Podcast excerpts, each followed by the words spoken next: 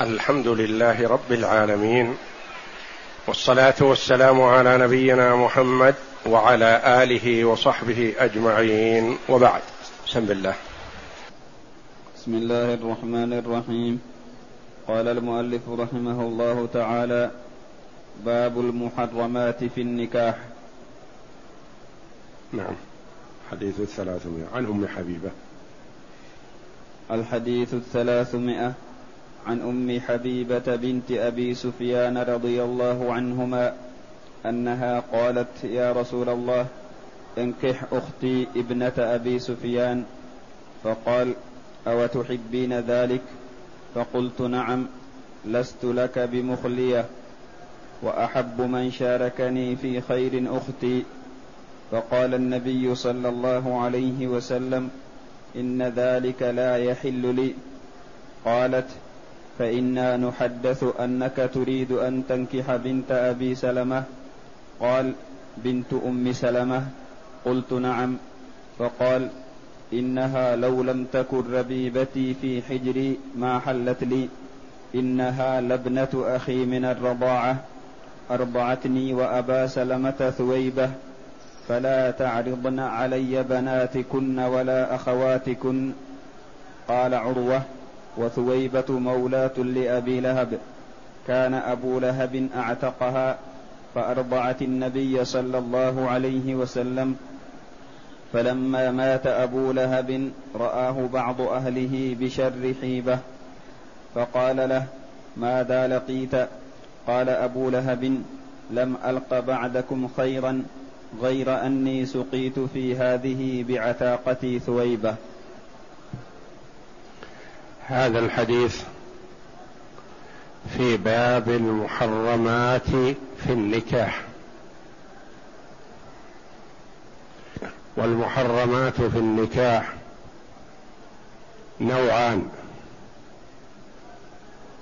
نوع يحرم على التعبيد ونوع يحرم إلى أبد.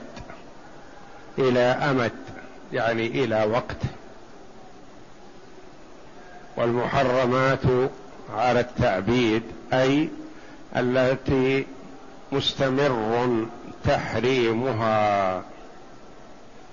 فلا تحل للمرء أبدا. ومحرمات إلى أمد يعني إلى وقت. إذا انتهى هذا الوقت حلت له. فالمحرمات على التأبيد محرمات بنسب ومحرمات بالمصاهرة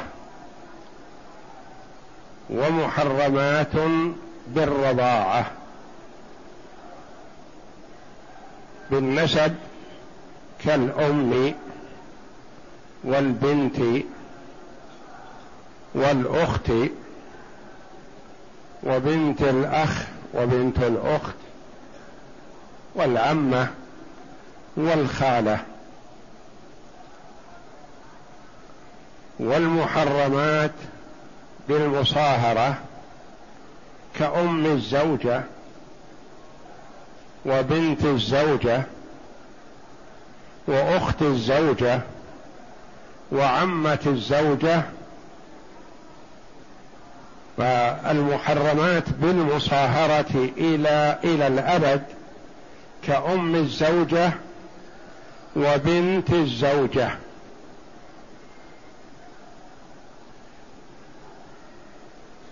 والمحرمات بالرضاعة كما قال عليه الصلاة والسلام يحرم من الرضاعة ما يحرم من النسب. فما كان رضاعه فهو مثل النسب. والمحرمات إلى أمد هي اللاتي يحرم الجمع بينها. كأخت الزوجة تحرم ما دامت أختها في عصمته. فلو طلق الأخت أو ماتت عنه فإنه يتزوج أختها. وكذا بنت الأخ بنت أخ الزوجة وبنت أخت الزوجة وعمتها وخالتها. هؤلاء يحرم الجمع بينهن. وأما انفراد يعني بعدما يفارق زوجته يتزوج أختها أو بنت أختها أو بنت أخيها أو عمتها أو خالتها. وهذا الحديث عن أم المؤمنين أم حبيبة رضي الله عنها بنت أبي سفيان. وهي التي هاجرت مع زوجها إلى الحبشة رضي الله عنها. فتنصر زوجها هناك في الحبشة ومات هناك وبقيت وحيدة غريبة. لا أهل عندها ولا قريب وليست في عصمة زوج يتولى أمرها. فأشفق عليها النبي صلى الله عليه وسلم الرؤوف الرحيم بالأمة فأرسل يخطبها من النجاشي لأنها في ولايته. فجاءها المبشر يبشرها بأن النبي صلى الله عليه وسلم يخطبها فنزعت ما في يديها من حلي وأعطتها المبشرة.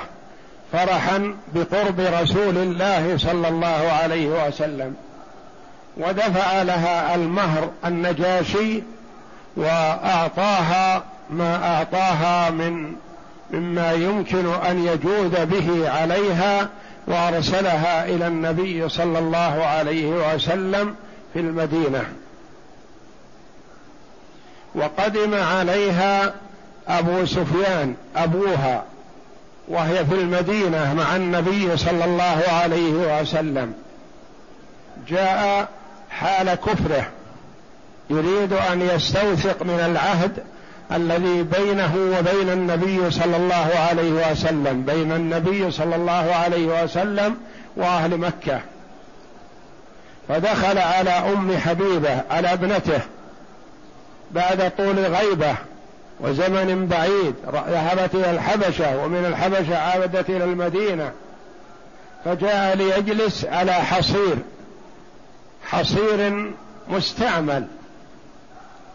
فمنعته أن يجلس عليه طوته وأبعدته. فقال ما أدري يا بنيه أهو رغبة بي عن هذا الفراش أم رغبة بالفراش عني؟ لأنه ما يدري ما الذي حصل. منعته أن يجلس على هذا وضفت الفراش. طوته وأبعدته. فيستفسر ما الذي أهوى رغبة بي عن الفراش يعني الفراش لا يليق بي وإنما ستحضر فراشا غيره. أم ماذا؟ فقالت رضي الله عنها هذا فراش رسول الله صلى الله عليه وسلم. أفضل الخلق وأكرم الخلق على الله. وأحب الناس إليها أحب الخلق إليها رضي الله عنها. وأنت مشرك نجس ما يصلح أن تجلس على هذا الفراش فراش الرسول. فعرف السبب فقال لقد أصابك بعدي شر. أصابها الخير العظيم رضي الله عنها وأرضاها قوة إيمانها ومحبتها لله ورسوله وصبرها على الغربة والهجرة إلى الحبشة ثم عودتها إلى المدينة.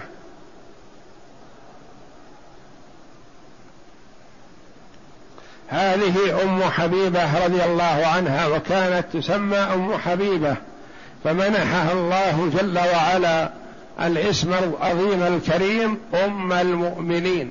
أم المؤمنين قاطبة رضي الله عنها وأرضاها. فهي رضي الله عنها مرتبطه بقربها من النبي صلى الله عليه وسلم مسرورة. والنبي صلى الله عليه وسلم يقسم لتسع نسوة في ذلك الوقت. تسع نسوة في عصمته وهي مرتبطه مسرورة بكونها واحدة من أمهات المؤمنين رضي الله عنهن.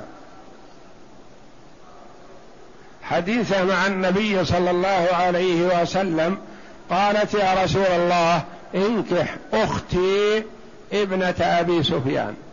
قيل حمنة وقيل عزة بنت أبي سفيان. فقال عليه الصلاة والسلام على سبيل التعجب مما عرف عن النساء الغيرة لأن بعض النساء تقول لا أحب والله أن يشاركني في زوجي ولا أمي ولا بنتي. الغيرة عند النساء. قال أو تحبين ذلك؟ تتمنين يعني وترضين بهذا وتودينه. لأن عادة النساء الغيرة ولا تحب المشاركة. فقلت نعم. ثم بينت السبب رضي الله عنها أنه ليس رخصا بالنبي صلى الله عليه وسلم أو مللا منه تحب أن يشاركها غيرها. لا. قالت نعم أحب هذا أن تتزوج أختي. لست لك بمخلية. لن أكون وحدي لك. لن مخلية اسم فاعل. يعني ما ما لن أكون أنا خالية وحدي لك. سيشاركني غيري. وأحب من شاركني في خير أختي. ما قالت وأحب من شاركني أختي؟ قالت لا وأحب من شاركني في خير. قرب الرسول صلى الله عليه وسلم خير وسعادة في الدنيا والآخرة. وأحب من شاركني في خير أختي. بينت السبب فقبل منها النبي صلى الله عليه وسلم هذا السبب ولم يقبل منها العرض. فقال النبي صلى الله عليه وسلم إن ذلك لا يحل لي. يعني كأنه قال تعلمين ان أنه لا يحل للرجل الجمع بين أختين. ولا يحل لي أن أجمع بين أختين. ثم بينت السبب في عرضها هذا الأمر. كأنها توقعت أن النبي صلى الله عليه وسلم له خصوصية في هذا. قالت إنا فإنا نحدث أنك تريد أن تنكح بنت أبي سلمة. تعرف أن بنت المرأة ما تجمع معها. فإذا كان حديث الناس صحيح أنك ستتزوج بنت أبي سلمة التي هي بنت زوجتك فيسوغ أن تتزوج أخت زوجتك من باب أولى. قاست هذه بهذه رضي الله عنها. فإنا نحدث يعني يتكلم الناس ويدل هذا على أن كلام الناس العامة أنه لا ينبغي أن يعتمد عليه ولا يؤخذ به لأن الناس يقولون ويتقولون أشياء كثيرة لا أصل لها ولا أساس لها. إنا نحدث أنك تريد أن تنكح بنت أبي سلمة. نسبتها رضي الله عنها إلى أبيها وهذا هو الأصل. أن المرء ما ينسب المرأة إلى أمها. أو ينسب البنت أو الولد أو الرجل إلى أمه ينسب إلى أبيه مع أن أمها أقرب إليهم وهي الموجودة وأبوها متوفى. رضي الله عنه أبو سلمة. قال بنت أم سلمة استفسار ليتأكد هي هذه زينب التي في حجر النبي صلى الله عليه وسلم بنت أم سلمة التي هي زوجتي. قلت نعم. يعني يتحدث الناس بأنك ستتزوج بنت أبي سلمة بنت أم سلمة. وكأنه صلى الله عليه وسلم يستفسر من هذا هل هي بنت زوجتي أم بنت لأبي سلمة أخرى من غير أم سلمة مثلا؟ فقال لما تأكد أنها تريد بنت أم سلمة التي هي أم المؤمنين زوج النبي صلى الله عليه وسلم. فقال إنها لو لم تكن ربيبتي في حجري ما حلت لي. اجتمع في حرمتها علي أمران وهو أمر واحد. الأول أنها ربيبتي في حجري يعني بنت زوجتي. والله جل وعلا يقول وربائبكم التي في حجوركم. ذكرها من المحرمات. وهي رضي الله عنها قد تدرك هذا لكن تظن أن هذا من خصوصياته صلى الله عليه وسلم. لأنه لا يحل لمسلم أن يجمع أكثر من أربع نسوة في عصمته. والنبي صلى الله عليه وسلم جمع تسع عليه الصلاة والسلام وكان يقسم لتسع نسوة رضي الله عنهن. إنها لو لم تكن ربيبتي في حجري ما حلت لي.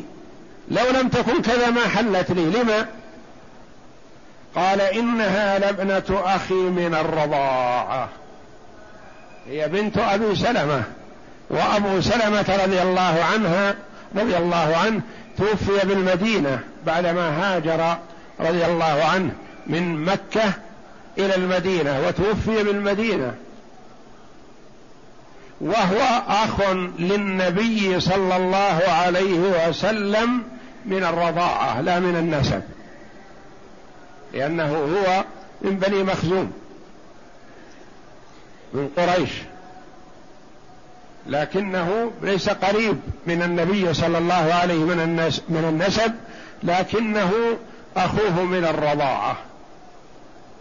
انها لو لم تكن ربيبة ما حلت لأنها بنت أخيه من الرضاعة. وأبو سلمة رضي الله عنه من خيار الصحابة ومن السابقين الأولين إلى الإسلام رضي الله عنه توفي في المدينة. وزوجه أم سلمة رضي الله عنها وعندها أولاد صبيه صغار. وكانت لما توفي تطبق على نفسها ما سمعت من النبي صلى الله عليه وسلم. سمعت النبي صلى الله عليه وسلم يقول من أصيب بمصيبة فقال إنا لله وإنا إليه راجعون. اللهم أجرني في مصيبتي واخلف لي خيرا منها إلا آجره الله وخلف عليه. أو كما قال صلى الله عليه وسلم. كانت أرادت أن تطبق هذا الذي سمعته من النبي صلى الله عليه وسلم على نفسها. فلما توفي أبو سلمة وحضره النبي صلى الله عليه وسلم وأغمض عينيه قالت ما وصاها به النبي صلى الله عليه وسلم ووصى به المسلمين عامة. إنا لله وإنا إليه راجعون. اللهم أجرني في مصيبتي. ثم لما أرادت أن تقول واخلف لي خيرا منها قالت في نفسها من خير من أبي سلمة؟ ما ما تطمع في أن يأتيها خير من أبي سلمة رضي الله عنها. لكنها قالت ما قالت امتثالا. لتوجيه النبي صلى الله عليه وسلم. قالت واخلف لي خيرا منها. فاستجاب الله جل وعلا لها وخلف عليها من هو خير من أبي سلمة وخير من الناس عامة وخير من الخلق كلهم عليه الصلاة والسلام. أتاها بنفسه يخطبها عليه الصلاة والسلام.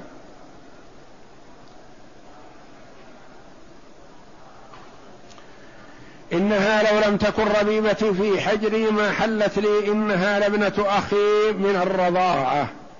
أرضعتني وأبا سلمة ثويبة. ثويبة مولاة رقيقة لأبي لهب عم النبي صلى الله عليه وسلم. أعتقها أبو لهب. يقال أنه أعتقها لما بشرته.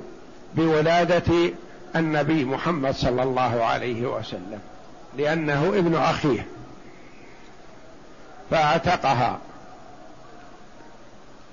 ثم إنها أرضعت النبي صلى الله عليه وسلم وأرضعت أبا سلمة رضي الله عنه. فصارا أخوين من الرضاعة.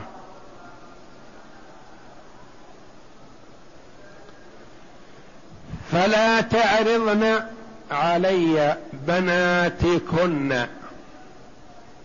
لا تعرضن البنات لأنه عليه الصلاة والسلام توقع أن أم سلمة ربما قالت لأم حبيبة اذكري هذا إذا كان في خاطر النبي صلى الله عليه وسلم أن يتزوج زينب. فلا تعرضن علي بناتكن ولا أخواتكن. ما يصلح أن تعرض الزوجة على زوجها بنتها من غيره ولا تعرض أختها لأنه لا يحل ولا يصح الجمع بينهما. ومنها من هذين من هاتين ما هي محرمة على التأبيد وهي بنت الزوجة. ومنهن ومنهما ما هي محرمة إلى امد ما دامت الزوجة في عصمته فلا يتزوج أختها. لكن لو ماتت الزوجة أو طلقها تزوج أختها. فلا تعرضن علي بناتكن ولا أخواتكن. هذا شيء يخصني. ومتى ما رغبت في أمر ما أبديته. والعرض ما يحسن. قال عروة راوي الحديث. وثويبة هذه مولاة لأبي لهب.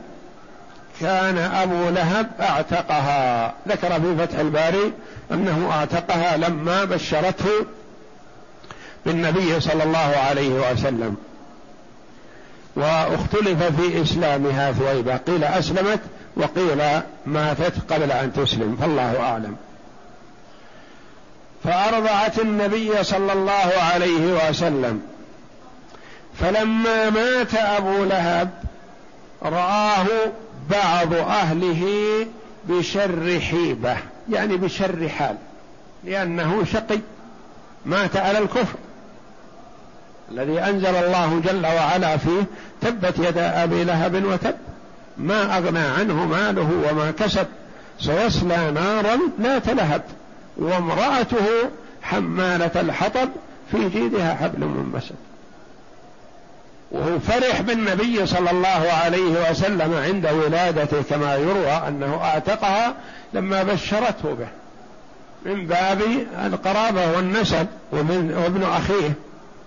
لكن لما قام بدعوته صلى الله عليه وسلم كان من أعدى أعدائه ومن أشدهم عداوة أبو لهب.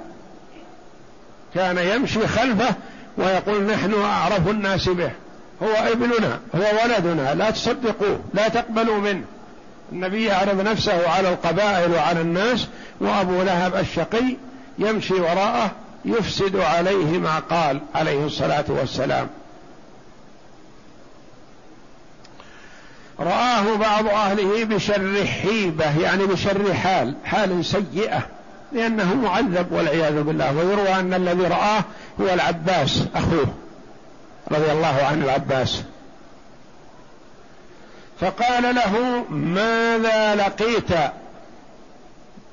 ماذا رأيت بعد الموت؟ يسأله. قال أبو لهب لم ألق بعدكم خيرا. يعني لأنه معذب في حفرة من حفر النار والعياذ بالله.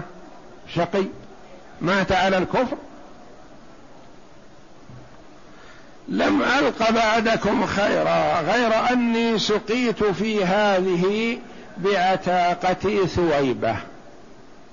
ذكر بعض الرواة أنه أشار إلى النقرة التي بين الإبهام والتي تليها النقرة التي في الوسط يأتيه منها ماء قليل يمصه.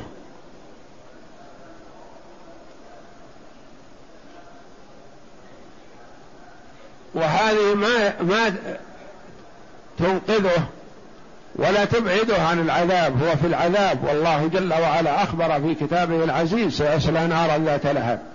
لكن أهل النار يتفاوتون في العذاب. ثم إن العلماء رحمهم الله قالوا في كونه انتفع بهذا العتق. هل هذا من خصوصية أقارب النبي صلى الله عليه وسلم؟ كما انتفع أبو طالب حيث كان في ضحضاح من النار له شراكان من نار يغلي منهما دماغه والعياذ بالله.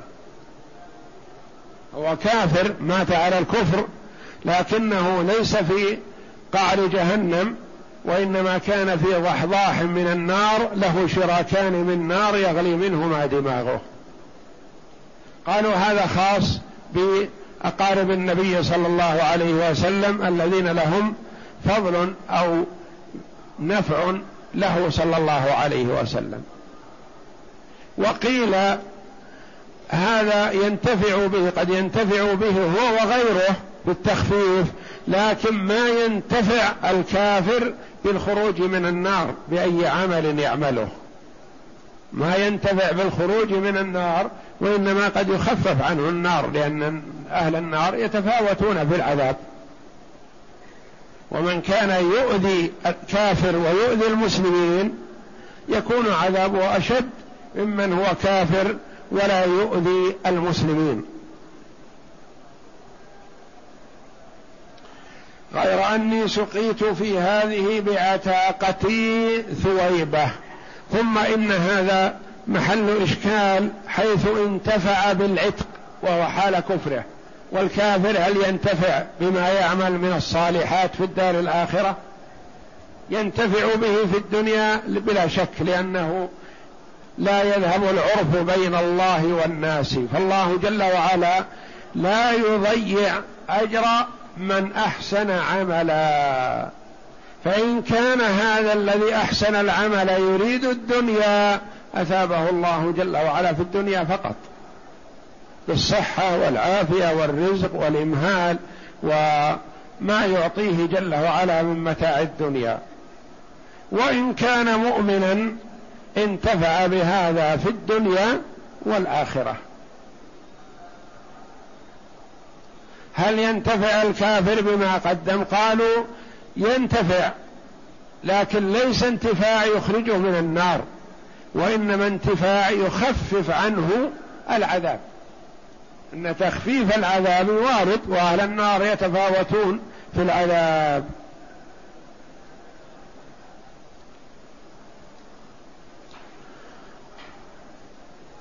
وقال بعضهم إن هذا التخفيف غير ثابت لأنه ما جاء عن النبي صلى الله عليه وسلم وإنما هو ملحق بالحديث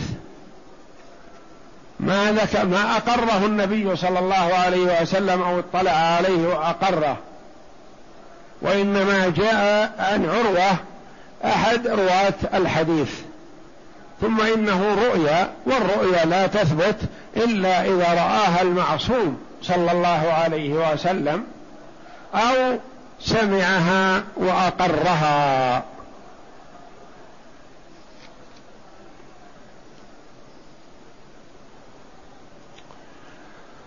فأخذ من هذا الحديث فوائد عظيمة منها محبة أمهات المؤمنين للنبي صلى الله عليه وسلم وحرصهن على نفع الغير حتى وإن كان في هذا مضرة عليها لأن أم المؤمنين إذا تزوج النبي صلى الله عليه وسلم زوجة معها ستشاركها في نصيبها.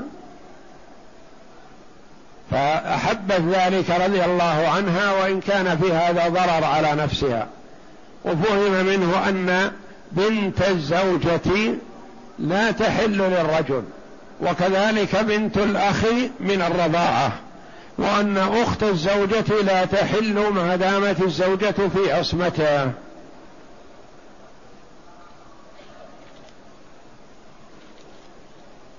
اقرأ. باب المحرمات في النكاح.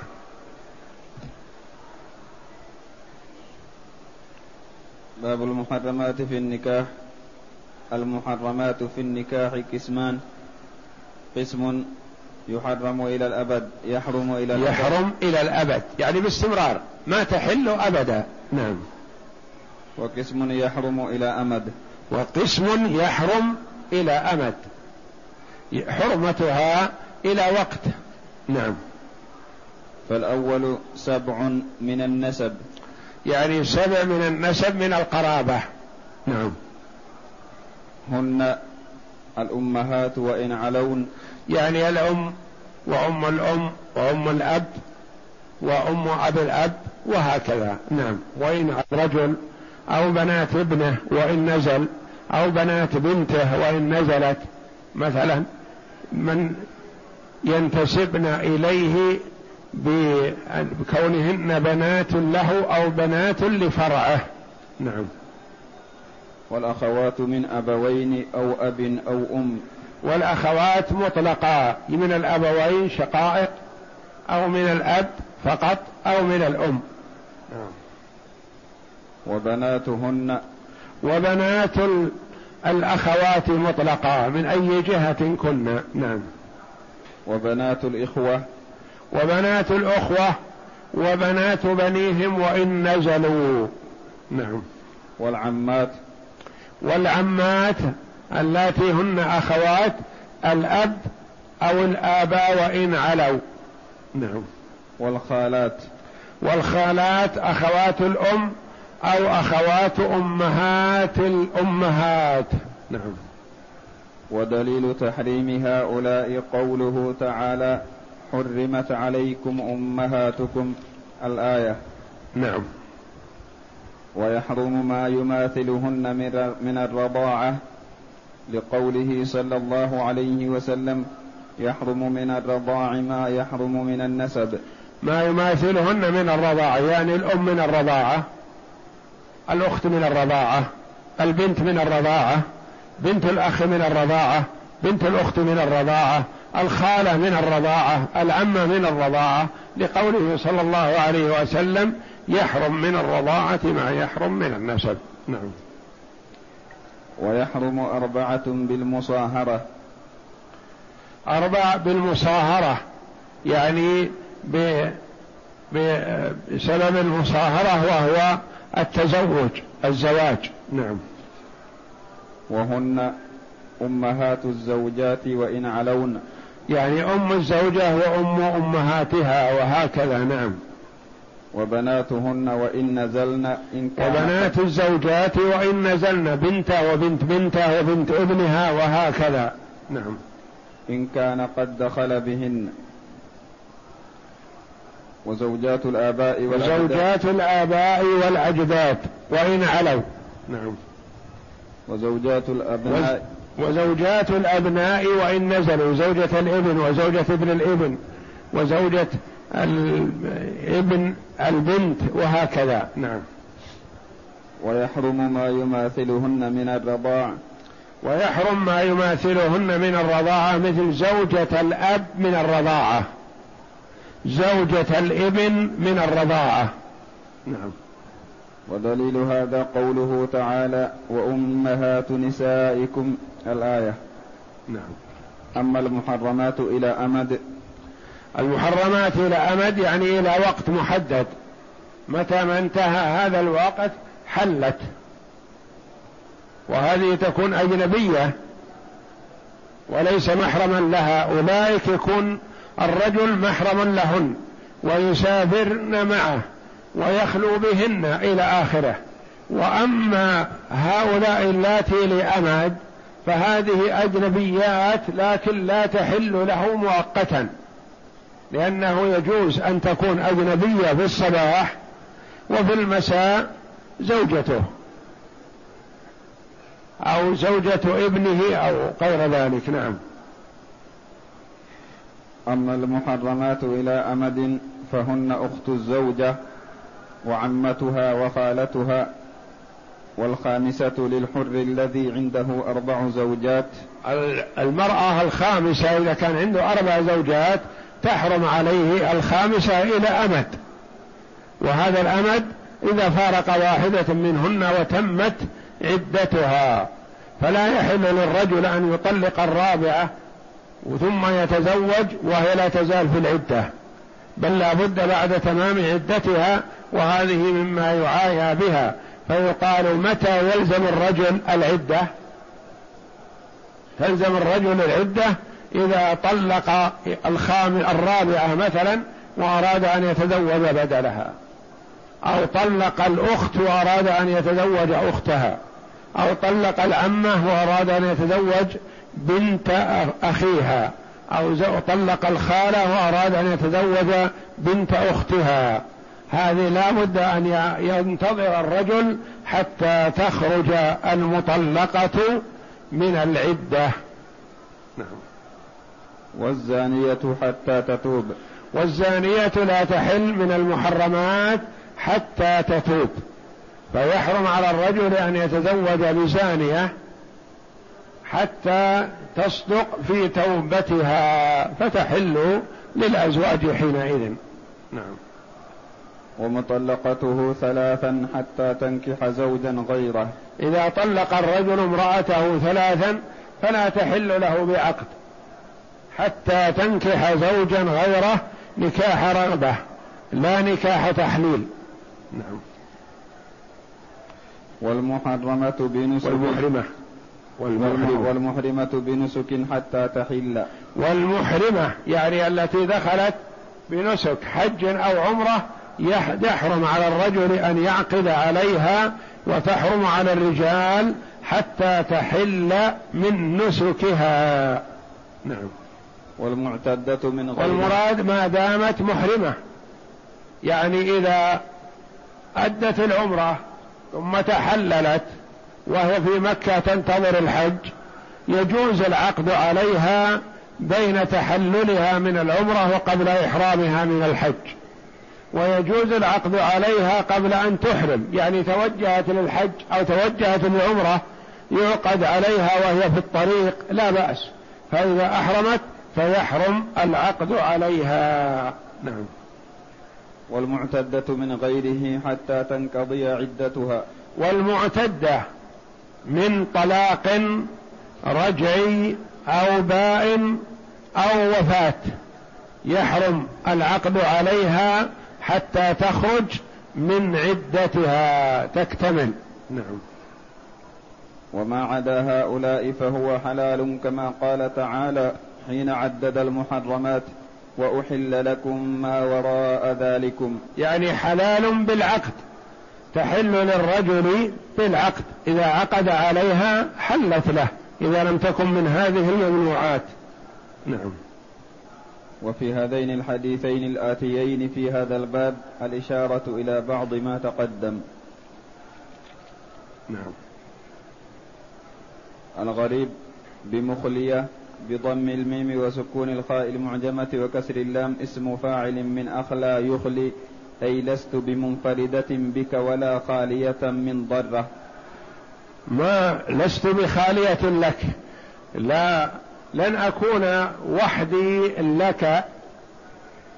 وإنما لابد معي نساء. فإذا كان لابد من ذلك فأحب من شاركني في خير أختي. نعم. نحدث بضم النون وفتح الحاء بالبناء للمجهول. بنت أم سلمة. استفهام قصد به التثبت لرفع الاحتمال في إرادة غيرها. ربيبتي في حجر الربيبة مشتقة من الرب وهو الإصلاح لأنه يقوم بأمرها والحجر بفتح الهاء وكسرها وليس له مفهوم بل لمجرد الحجر والحجر.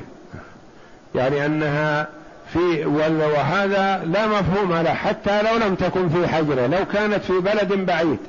بنت الزوجة لا تحل مطلقا سواء كانت في حجر زوج أمها يعني هو القائم عليها أم هي عند أبيها في مسافة بعيدة ولم يرها فلا تحل له. نعم.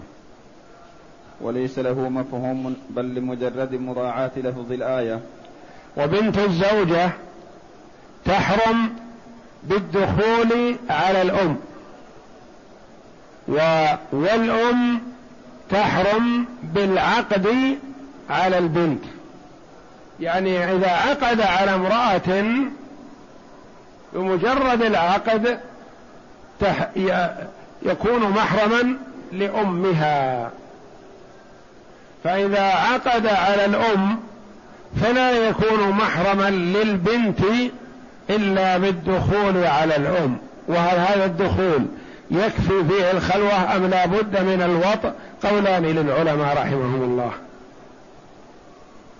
ثويبة يفهم من هذا أنه مثلا لو عقد على الأم ثم دخل البيت فوجد البنت كبيرة فأعجبته فطلق الأم قبل أن يخلو بها وقبل أن يجامعها يتزوج البنت. بخلاف ما إذا عقد على البنت حرمت عليه الأم وأصبحت أم زوجته وهو محرم لها وتسافر معه ولو لم يدخل على البنت. نعم. سويب بالمثلثة المضمومة ثم واو مفتوحة ثم ياء التصغير ثم باء موحدة ثم هاء. بشر حيبة بكسر الهاء المهملة وسكون الياء التحتية ثم باء موحدة أي بسوء حال ووقع مضبوطا في بعض نسخ البخاري بالخاء المعجمة. بالخاء المعجمة يعني بشر خيبة نعم. المعنى الإجمالي أم حبيبة بنت أبي سفيان رضي الله عنهما هي إحدى أمهات المؤمنين رضي الله عنهن وكانت حظية وسعيدة بزواجها من رسول الله صلى الله عليه وسلم وحق لها ذلك. فالتمست من النبي صلى الله عليه وسلم أن يتزوج أختها فعجب صلى الله عليه وسلم كيف سمحت أن ينكح ضرة لها لما عند النساء من الغيرة الشديدة في ذلك. ولذا قال مستفهما متعجبا أو تحبين ذلك؟ فقالت نعم أحب ذلك. ثم شرحت له السبب الذي من أجله طابت نفسها بزواجه من أختها وهو أنه لا بد لها من مشارك فيه من النساء ولن تنفرد به وحدها فإذا فليكن المشارك لها في هذا الخير العظيم هو أختها. وكأنها غير عالمة بتحريم الجمع بين الأختين ولذا فإنه أخبرها صلى الله عليه وسلم أن أختها لا تحل له. فأخبرته أنها حدثت أنه سيتزوج بنت أم بنت أبي سلمة فاستفهم متثبتا تريدين بنت أم سلمة؟ قال نعم. فقال مبينا كذب هذه الشائعة إن بنت أم سلمة لا تحل لي لسببين أحدهما أنها ربيبتي التي قمت على مصالحها في حجري فهي بنت زوجتي والثاني أنها بنت أخي من الرضاعة فقد أرضعتني وأباها أبا سلمة ثويبة وهي مولاة لأبي لهب فأنا عمها أيضا فلا تعرضن علي بناتكن وأخواتكن فأنا أدري وأولى منكن بتدبير شأني في مثل هذا. ما يؤخذ من الحديث أولا تحريم نكاح أخت الزوجة وأنه لا يصح. ثانيا تحريم نكاح الربيبة. قالوا لا يصح.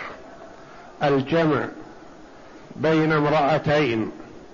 لو كانت إحداهما رجل ما احتجبت عن الأخرى. إلا في حالة واحدة وهي أنه يجوز الجمع بين بنت الرجل وزوجته. وبنت الرجل وزوجته لو كانت إحداهما ذكر ما احتجبت عن الأخرى. هذه مما يعايا بها فيقال لا يحل أن يجمع الرجل بين امرأتين لو كانت إحداهما ذكر ما احتجبت الأخرى عنها إلا في حالة وهي بنت الرجل وزوجته. يجوز أن يجمع بينهما رجل واحد. فمثلا تكون عنده بنت رجل ثم يتزوج بعد هذا بنته يتزوج بعد هذا زوجته في حال طلاقه إياها أو وفاته عنها. كما جمع عبد الله بن جعفر رضي الله عنه بين بنت علي وإحدى زوجاته.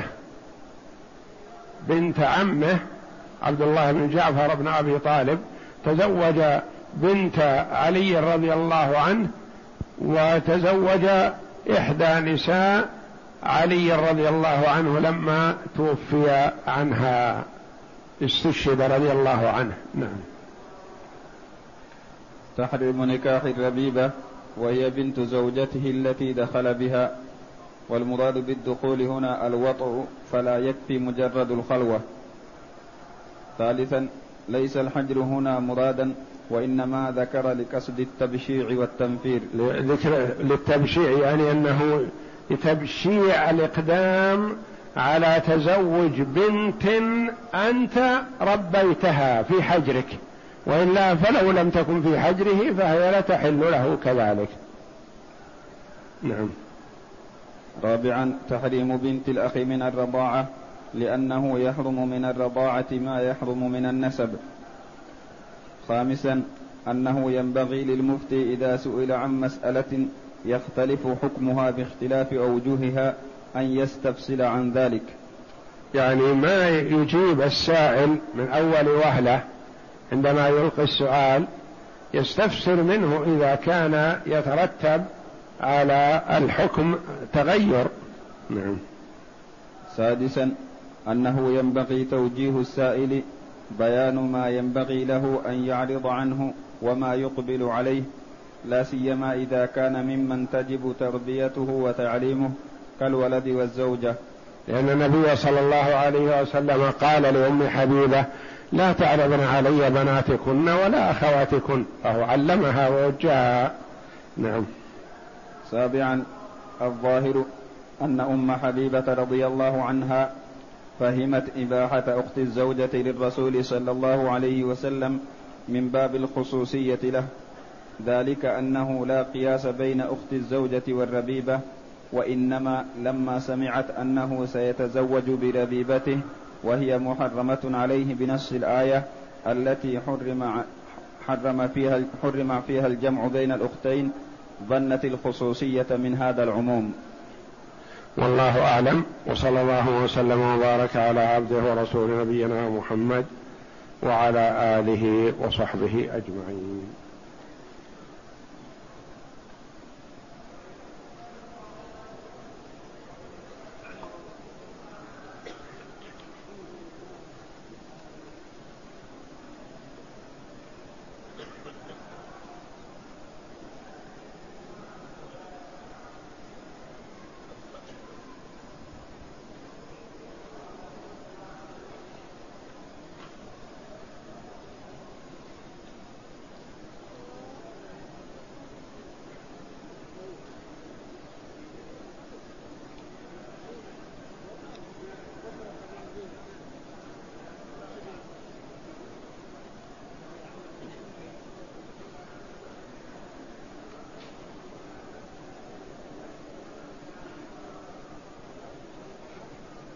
يقول السائل وهل يجوز لرجل أن يجمع بين المرأة وبين بنت عمتها؟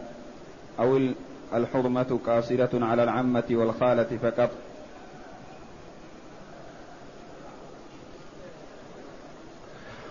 هل يجوز الجمع بين المرأة وبين بنت عمتها؟ أو الحرمة قاصرة على العمة؟ بل الحرمة قاصرة على العمة. لا يجمع بين المرأة وعمتها وبين المرأة وخالتها. وأما أنه يجمع بين بنتي العم وبنتي الخال وبنتي العمتين مثلا و فلا بأس بهذا لأن الحرمة قاصرة على العمة والخالة والأخت. وأما بناتهن فلا. يجمع بنتي أختين في عصمته لأنه يصير بنتي الخالة.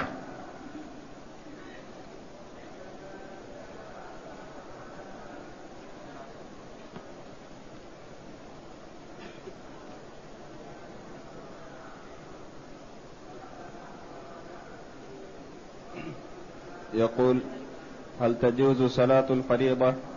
في الستة الأذرع التي في حجر إسماعيل والتي هي ضمن الكعبة. فإن كان لا فلماذا تجوز صلاة السنة فيها ولا تجوز صلاة الفريضة؟ لا تجوز ولا تصح الصلاة في الستة أو السبعة الأذرع من الحجر التي تلي الكعبة.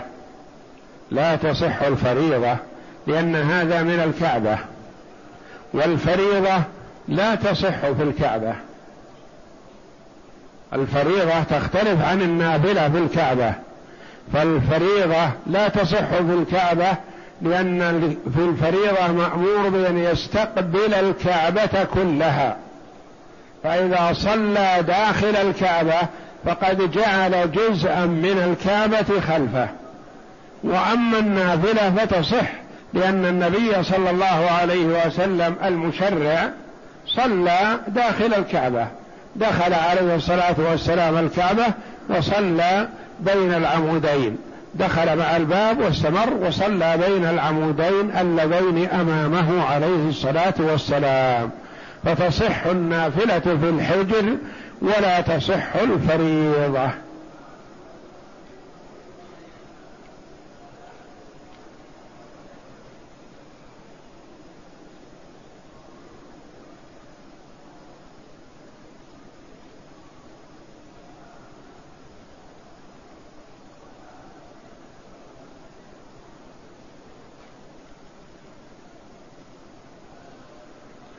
يقول أنا مقيم في مكة وقمت بعدة عمرات لعدد من المتوفين تربطني بهم صلة رحم وأحرم بكل عمرة من التنعيم. وفوجئت بأن أحد المشايخ يقول لي لا بد أن تكون العمرة للمتوفى من رابغ. اولا ما ينبغي أن يكرر المرء العمرة من مكة. فالذي في مكة يستحب له الإكثار من الطواف. وأفضل أعمال العمرة هو الطواف بالبيت. والمكي والمقيم بمكة يسوغ له الطواف كلما أراد. ثم إنه لو صرف جزءا من الوقت الذي يريد أن يذهب فيه إلى التنعيم ويعود ويطوف ويسعى يأتي بعمرة. جزءا منه في طواف لكان أفضل له. فلذا كره كثير من العلماء تكرار العمرة من مكة.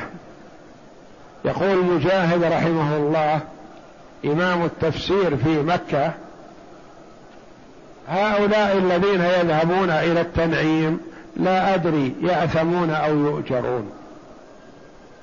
وما كان من هدي السلف الصالح تكرار العمرة. وإنما الأفضل أن المرء إذا دخل بمكة بعمرة لا يكرر وإنما يكرر الطواف بالبيت.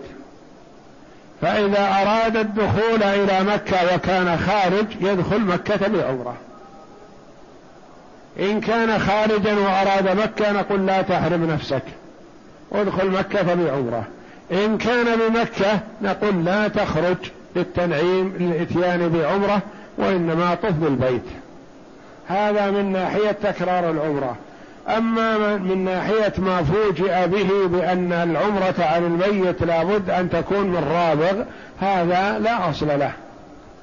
وليس بصحيح. العمرة عن الميت مثل العمرة عن الحي يحرم من كان خارج مكة من أحد المواقيت الذي يمر به وإن كان داخل مكة وطال عليه الزمن ما, اعتمر يخرج إلى الحل أي جهة من جهات الحل ويحرم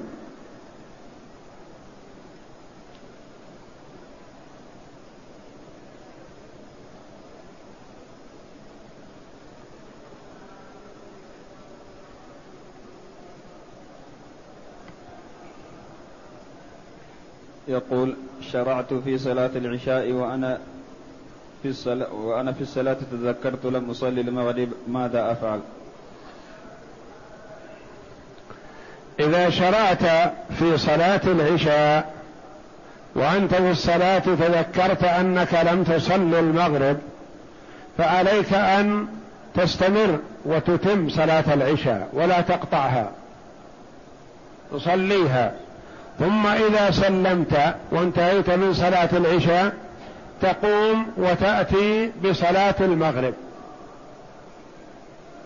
إلى هنا لا إشكال فيه. ثم هل يلزمك أن تعيد صلاة العشاء لأنك لا تزال في الوقت والترتيب واجب وأنت صليتها قبل المغرب؟ قولان للعلماء. بعض العلماء يقول عليك إذا صليت المغرب في هذه الحال أن تقوم وتأتي بالعشاء ليحصل الترتيب. وقال بهذا جمع من الصحابة ومن بعدهم. وقال آخرون لا يلزمك أن تعيد العشاء لأنك صليتها وأديتها. والله جل وعلا لم يكلف العباد بأداء الفرض مرتين. فالمسألة خلافية.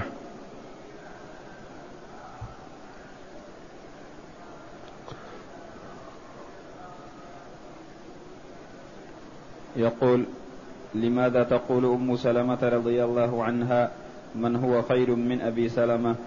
أليس الخلفاء الأربعة أفضل من أبي سلمة؟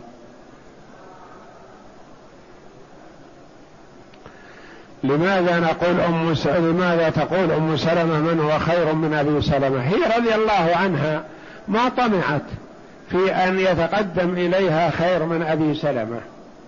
ما طمعت في الخلفاء الراشدين ولا طمعت ولا فكرت في النبي صلى الله عليه وسلم وإنما لما أتت على هذه الكلمة واخلف لي خيرا منها قالت من سيترى يأتيني خير من أبي سلمة؟ ما كانت تفكر بأن يخطبها أحد أفضل من أبي سلمة رضي الله عنه. ولا يلزم من هذا أن يكون أبو سلمة رضي الله عنه نقول أفضل من الخلفاء لا.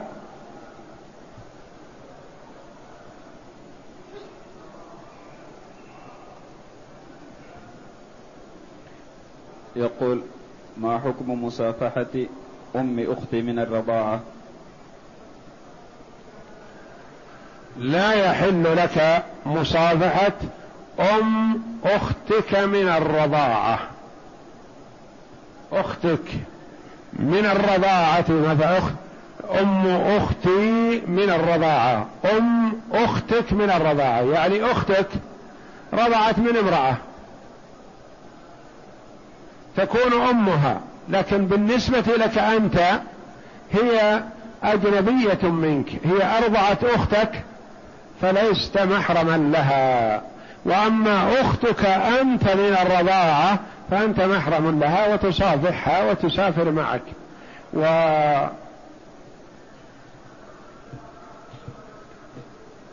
أختك من الرضاعة أنت محرم لها. أم أختك أم أختك أمها من الرضاعة أختك من النسب. يعني أختك التي أكبر منك أو أصغر منك من النسب لها امرأة أرضعتها. لا تصافح أنت هذه المرأة لأنها أجنبية منك ويحل لك أن تتزوج المرأة التي أرضعت أختك. كما يحل لك أن تتزوج المرأة التي أرضعت أخاك. وهكذا. والله أعلم. وصلى الله وسلم وبارك على عبده ورسول نبينا محمد وعلى آله وصحبه أجمعين.